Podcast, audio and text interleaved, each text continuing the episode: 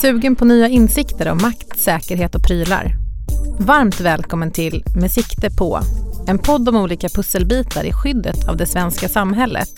Vi pratar hot, risker och utmaningar, men framförallt möjligheter, visioner och lösningar med spännande personer som brinner för ett starkare Sverige.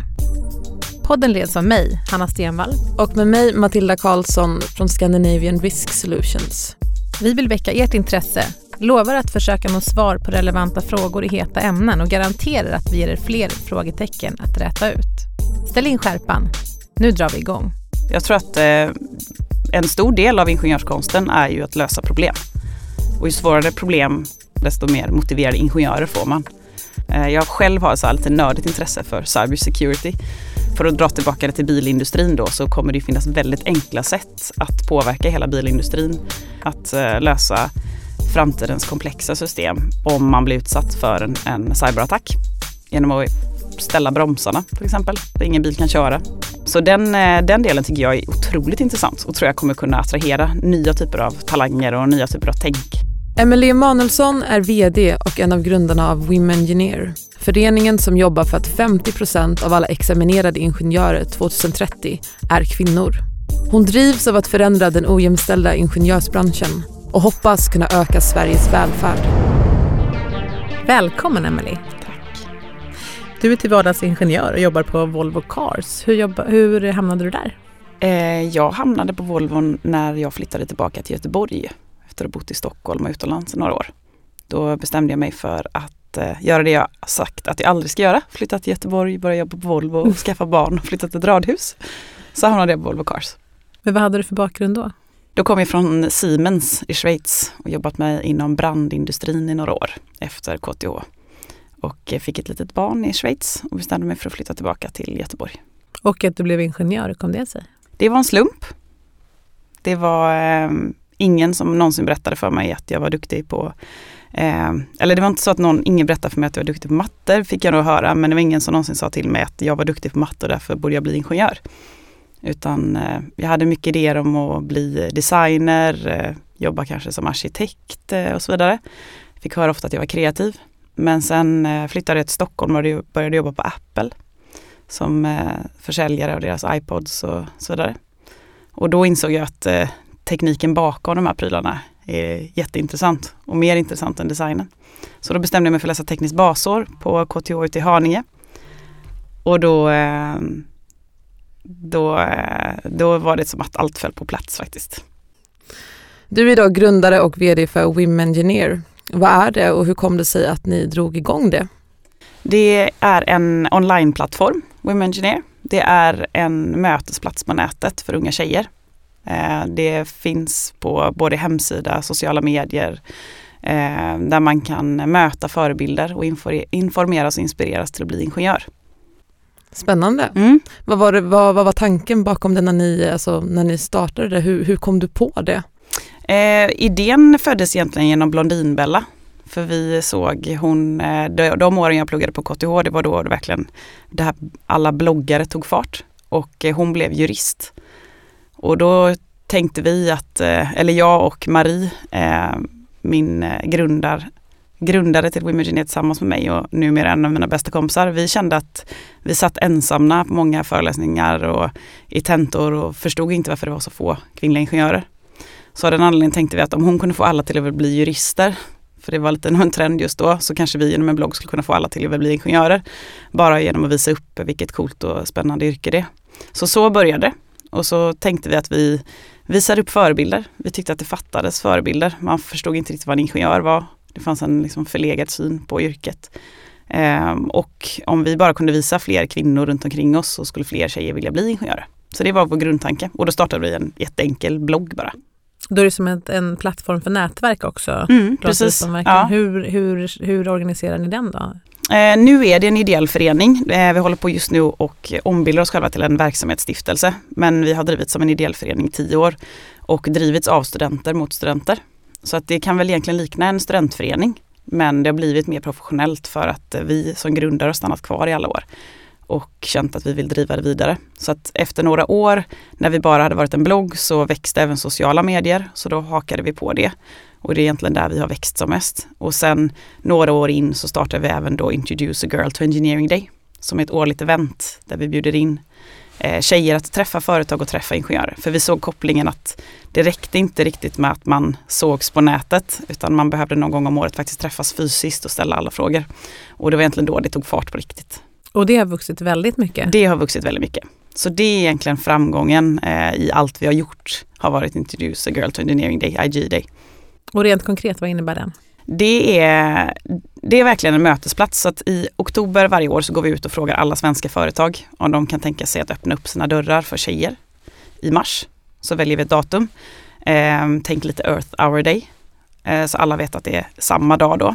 Och sen eh, så får vi in att i år fick vi in att vi hade 3000 platser på de här företagen. Och det är allt ifrån SMS Park i Göteborg med några få anställda till Volvo Cars eller vi har företag över hela Sverige.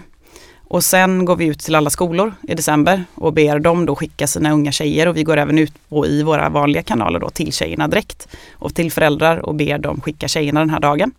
Och så matchmakar vi ihop det här. Och sen är det upp till varje företag att på den dagen då få styra upp aktiviteter under dagen för att informera och inspirera tjejer. Vad ger det? Eh, jag har varit med två år nu på Volvo Cars och eh, mötet är ganska unikt faktiskt. Så att företagen får ju träffa målgruppen 12 till 19 år eh, som de har, kommer vilja anställa en gång i framtiden. Förstå sig på målgruppen, vilket är väldigt intressant också. Eh, med allt vad det innebär. Um, och för de kvinnliga ingenjörerna på arbetsplatserna så är, tror jag i alla fall att det är ganska stor tillfredsställelse att få göra någonting tillbaka och inspirera uh, nästa generation att vilja bli ingenjörer. Så det brukar vara ganska emotionella möten faktiskt mellan de kvinnliga ingenjörerna och de här unga tjejerna. Där man bara vill säga egentligen att det är bara att köra, gör det. Det finns ingenting som kan stoppa. Viktigt med förebilder verkligen. Ja, Eh, Women Engineers eh, mål är att varannan examinerad ingenjör år 2030 ska vara kvinna. Varför är det viktigt? Eh, det är viktigt för hela världen faktiskt. Det är det. FN har sitt hållbarhetsmål eh, nummer fem om jämställdhet. Och eh, vi tror verkligen, vi som jobbar med det här, att vi kan inte nå jämställdhet i hela världen om vi inte får fler kvinnliga ingenjörer. För att det är vi som skapar samhället och det är vi som löser problem och räddar världen på ett sätt. Den senaste rapporten var väl inte så jättepositiv just avseende det målet? Nej, det är inte det. Och eh, frågan har liksom varit på tapeten sedan vi började. Även om vi inte, när vi började för tio år sedan så hade vi inte ett mål att rädda världen. Men eh, allt eftersom tiden har gått och inte minst de senaste åren med eh, klimatförändringar så känner vi att eh, det behövs verkligen, det finns, behövs andra sätt att se på tekniska problem. Vilka är utmaningarna för att nå det här målet? Det är stora utmaningar. Det examineras idag ungefär 30% kvinnor i Sverige men det är väldigt skev fördelning på de olika programmen.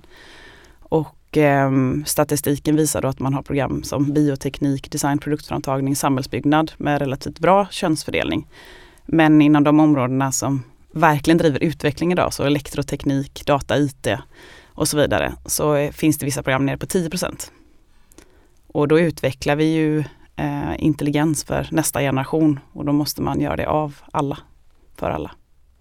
Mm. Vilken är din vision för Women Engineer? Min vision just nu, för jag går på tjänstledighet eh, faktiskt från Volvo Cars för att bara jobba med detta, det är att eh, vi ska kunna driva det här lönsamt. Och det är en helt ny vision egentligen för oss. Så vi har ju drivit som en ideell förening i tio år men från och med nu så vill vi kunna jobba med detta och kunna anställa de tjejerna som jobbar med oss eh, för att de ska arbeta med detta ut på skolor och universitet och högskolor och ut i näringslivet. Så min vision är faktiskt att försöka driva det som ett bolag. Och köra eget, det är en ja. helt ny satsning. Ja, det är en helt ny satsning. Spännande. Ja, det är väldigt spännande. Väldigt, väldigt spännande. Hur upplever du att det här initiativet har tagits emot av, av industrin? Industrin fantastiskt bra. Um, jag tänkte lite på den frågan. Uh, alltså vi, våra, de vi arbetar med, de företagen, alla de här 110 som är med i IG Day, de vill vara med nästa år igen och tycker att det är otroligt värdefullt. Vi skickar ut en enkät och så vi följer upp ganska bra. Ehm, de företagen hyllar ju den här typen av initiativ och det finns många fler än bara oss då just nu eh, för att det finns kanske inte möjlighet att göra det själva. Man når inte målgruppen och man talar inte målgruppens språk. Så att där möts vi bara med öppna armar och eh, min arbetsgivare Volvo Cars har ju stöttat mig att ta tjänstledigt för att fortsätta utveckla detta. Då. Så det är fantastiskt. Eh, där vi inte möter så bra kritik alltid, det är faktiskt i, i media från kommentarer av läsare. Eh, vi har en del nättroll på Facebook och eh, vi kan få lite syrliga kommentarer då och då där man ifrågasätter varför. Men jag har aldrig varit med om att man ifrågasätter varför från företagen. För de har redan förstått att detta kommer ge lönsamhet. Jag skulle precis fråga dig just hur mottagandet har varit ifall det har eh, skilt sig på något sätt, exempelvis mellan kön och mellan åldersgrupper på något sätt? Eller? Ja, men jag skulle nog ändå vilja påstå att det gör det. Eh, som sagt, inte från, inte från företagen, för där, där vill man verkligen. Men eh, vi var med i Ny Teknik i, nu i eh, våras i en artikel, en jättefin artikel som handlade just om jobbet vi gör och varför det är viktigt och så vidare. Och de kommentarerna som följde där efteråt, de var syrliga. Eh, där det var väldigt mycket män då som ifrågasatte om det vi gör, om det finns någon poäng med det. För det här så har statistiken alltid sett ut och tjejer tycker inte om teknik och man lurar sig själv om man tror att kvinnliga ingenjörer eh, ska kunna göra de här sakerna vi tror. Hur, hur dealar man med det? Hur, eh, hur tar man emot det på ett, på ett bra sätt och gör om det till något positivt istället? Ja, eh, där och då var det jättejobbigt. För när man har brunnit för någonting i tio år och verkligen tror på det och precis avslutat ett sånt här IG-day där man har sett framgången. Man har sett då att, att eh, jag tror att vi har statistik på att det är ungefär 8,5 av 10 de tjejerna som är med då vill bli ingenjörer. Så att man har de här 2000 tjejerna och så många som är 12 till 19 år och vill bli ingenjörer. Efter vet, den dagen? Efter den dagen och vet då efteråt att det finns andra krafter som in, fortfarande inte tycker att tjejer kan teknik. Det är ganska jobbigt faktiskt. Men upplever du ändå på något sätt att industrins syn på vikten av mångfald i allmänhet och könsfördelning i synnerhet har förändrats med åren? Har det blivit bättre? Absolut, verkligen. Det har det. Och som sagt, det är öppna armar. Eh, vi får förfrågningar hela tiden. Kom till oss, kom och föreläs, kom och var med. Eh, hjälp oss att få eh, unga tjejer och även unga pojkar, men unga i, i, liksom, i synnerhet att bli intresserade av teknik. Skiljer det sig mellan olika sektorer? Jag tänker just säkerhets och försvarssektorn är ju mm. vår hemmaplan. Ja. Eh, och vi pratade lite grann om det innan. Mm. Kan man Nej, säga alltså jag, för min del så var Saab faktiskt eh, eh vår första sponsor. Så när vi, när vi tittar på det här så skulle jag inte alls kunna säga att det skiljer sig på något sätt överhuvudtaget utan det var faktiskt först på bollen och har jobbat väldigt bra eh, och alltid stöttat oss och varit engagerade tillsammans med oss i den här frågan. Eh, nu är det ett företag så, eh, så det går inte att säga så. Men och, vi har ett, ett, antal bolag i ja, medlemsföretagen ja, som är engagerade. Precis, vi hade ju sponsorer i år då från GKN. Eh, var sponsorer till oss. FLIR har alltid stöttat oss.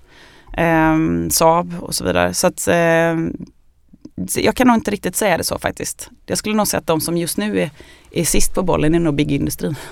Vad är det som driver dig? Eh, nej men jag drivs av detta faktiskt. Det är nog så enkelt. Jag vill se fler tjejer bli ingenjörer. Och var kommer det drivet ifrån då? Det kommer av möten med alla dessa kvinnor jag har träffat som är ingenjörer. Som eh, ja, alltså blir emotionellt påverkade. De kan bli tårögda. De kan komma fram och ge mig en kram.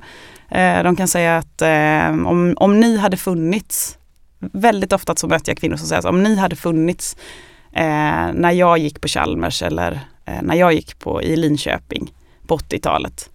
Då hade jag haft en helt annan förutsättning och fortsätt göra det ni gör. Ehm, senast igår träffade vi en kvinna som hade läst på Chalmers, Chalmers på 80-talet där kvinnor inte fick vara med på spexet. De fick vara med i ballett om de ville men inte i spexet. För att det var bara för män och det är 80-tal. Så att eh, jag känner ofta den här drivkraften av att man idag aldrig skulle ifrågasätta lärare eller läkare eller en jurist eller en journalist beroende på kön. Men vi måste göra den här resan inom ingenjörsvärlden med.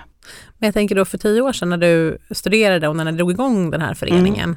Vad var det då som gjorde, jag menar, det finns ju många som tycker att det är en viktig fråga, mm. men att lägga den här tiden och mm. kraften som du ändå har gjort mm. under tio års ja, tid. Ja men precis, det har varit eh, mycket sena kvällar, helger. Har fått stort stöd från min man och min familj att göra detta. Eh, nej men vi, vi, vi fattade inte då. Vi, eh, vi tittade på varandra och kunde inte förstå vart alla tjejer hade tagit vägen. Och vi började läsa statistik eh, och titta på utexaminerade tjejer från gymnasiet, betyg. Det fanns ingen logisk förklaring till varför när man helt plötsligt började teknisk utbildning, varför det var så få tjejer. Då ska vi eh, köra någonting som vi kallar för en associationslek. Vi kommer mm. att ge dig tio ord som du ska få associera kring. Du svarar snabbt och kort det första du tänker, ryggmärgsreflexen. Och vill du utveckla någonting så gör du det efteråt. Okej. Okay. Är det klart? Japp. Yep. Bra, då kör vi igång. Kön. Genus. Makt. Klimatförändring. Moln. Klimatförändring. Kostym. Modefluga. Förebild. Ester Blenda Nordström. Teknik. Kul. Mod. Att ta tjänstledigt. Spann. Krabbor. Klimat. Ingenjör. Robot. Väldigt roligt. Jag tänker på min dotter Astrid. Vill du utveckla det? Hon, eh, vi var på Chalmers nu i våras. De hade ett event som heter Camp Vera när de bjuder in hundra stycken gymnasietjejer att bo en helg på Chalmers och bara fokusera på elektro, data, IT. Och eh, då var Eriksson där med en robot och min lilla tjej, eh, jag hade ingen barnvakt till henne, så min femåring fick följa med till Chalmers och vara med de här tjejerna hela helgen. Och hon blev helt kär i den här roboten. Alltså kär i en robot. Och eh, jag måste hålla med om att jag tyckte den var riktigt cool och då var det en kvinnlig ingenjör som hade utvecklat den här roboten så det var hennes bästa kompis. Men det var framförallt kul att se min femåring bli helt tagen av den här, liksom, ja, den var ju större än vad hon själv var, roboten som kunde prata engelska och vinka och sådär. Så jag tänker på henne och att det är kul med robotar. Mm.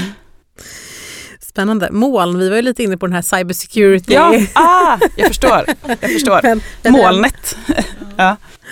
Men eh, du var redan inne på klimat med makt. Det var spännande ja. att det var så du kopplade. Ja. Eh, jag har jobbat med luftkvalitet i många år på Volvo Cars. Så jag jobbar med ren luft i Kina och blivit väldigt påverkad av, eh, av luften vi andas. Och inser eh, att det handlar väldigt mycket om makt, att förändra detta. För det är ingen som längre ifrågasätter varför det är ett problem. Så att det är faktiskt bara de med makt som kan förändra detta. Intressant. Ja.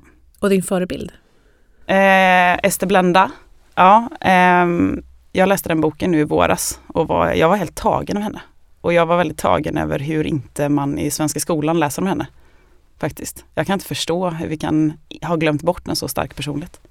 Berätta det, som, det du tycker är viktigast, varför du tycker det, att det är din förebild. Eh, för att hon uppenbarligen var ju hon den största Pippi Långstrump vi har haft. Och Pippi Långstrump har färgat eh, allas generationer, alla svenskars, både pojkar och flickors generationer i hur hon beter sig. Och Ester Blenda för mig är typ Pippi Långstrump. Liksom. Hon gör precis vad hon vill hela tiden.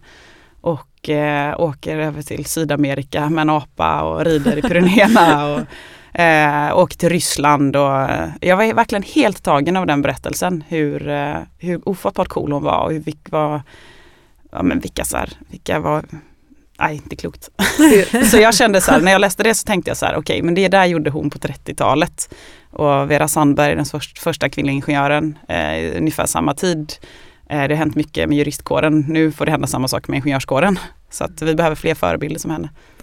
Coolt. Mm. Hur ser du på, på tekniken? Är du rädd för tekniken på något sätt? Nej, inte det minsta.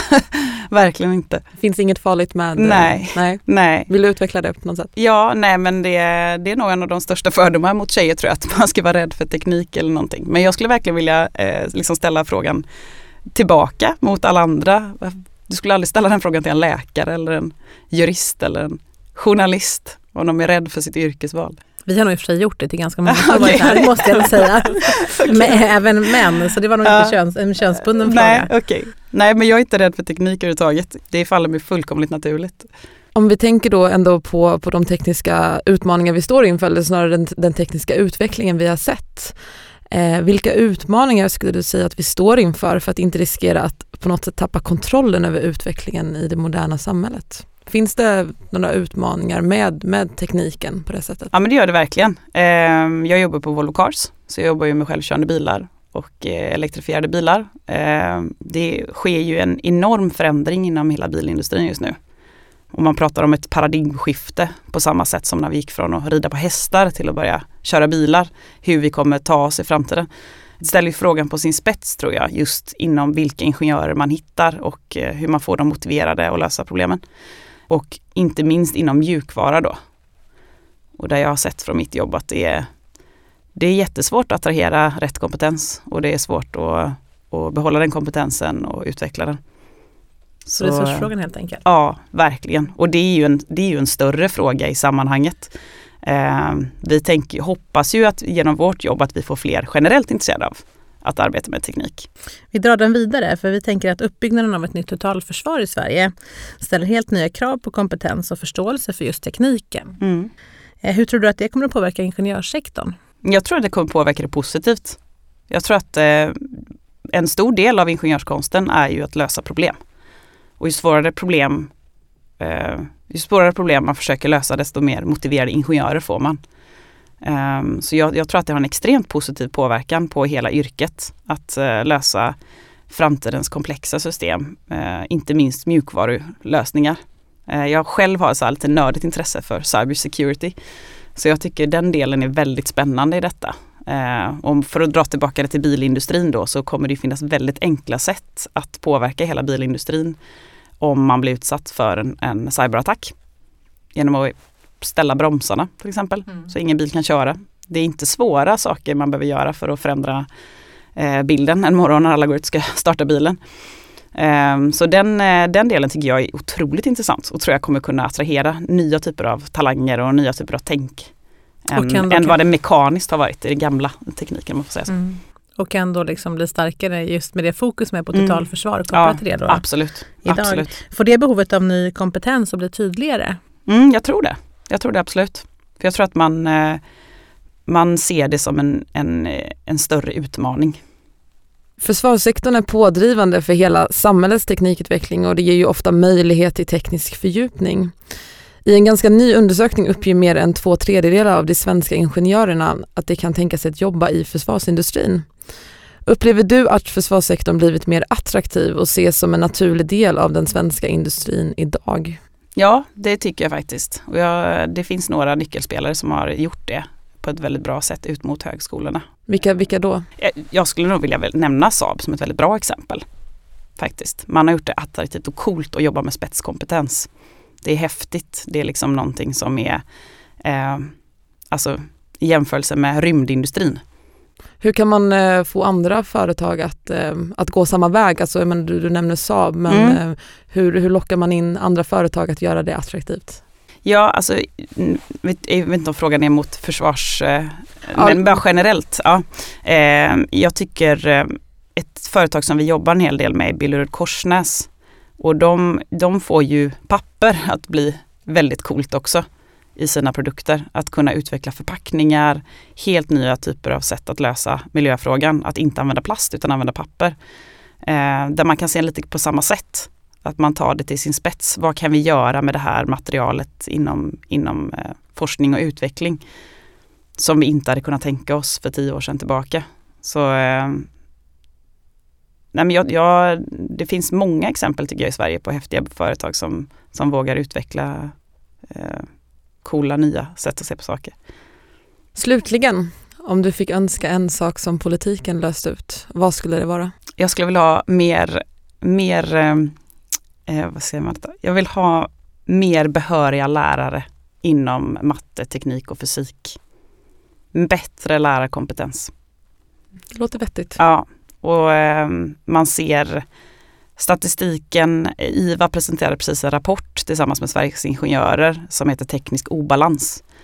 Där man har tittat på svenska grundskolan och flickor och pojkars teknikintresse. Och då kan man se att i årskurs 5 så har man likvärdigt teknikintresse. Eh, I årskurs 9 har man inte det längre. Där faller flickors teknikintresse markant. Och man ser också en korrelation bland då lärarkåren i de här ämnena, att man kan ha inte behöriga lärare i dessa ämnen. Och eh, det handlar för mig om Sveriges välfärd. Hur kan, hur kan vi inte satsa på matte, fysik, kemi, eh, grundämnen i svenska skolan? Hur kan vi göra så här mot nästa generation? Nu hårdrar jag det lite. Men om jag, min vision skulle vara liksom att se till att alla unga pojkar och flickor får den bästa mattelärare de någonsin kan tänka sig för att Sverige ska bli det landet vi drömmer om. Tydlig avslutning. Ja. Tusen tack för det. Tack så jättemycket.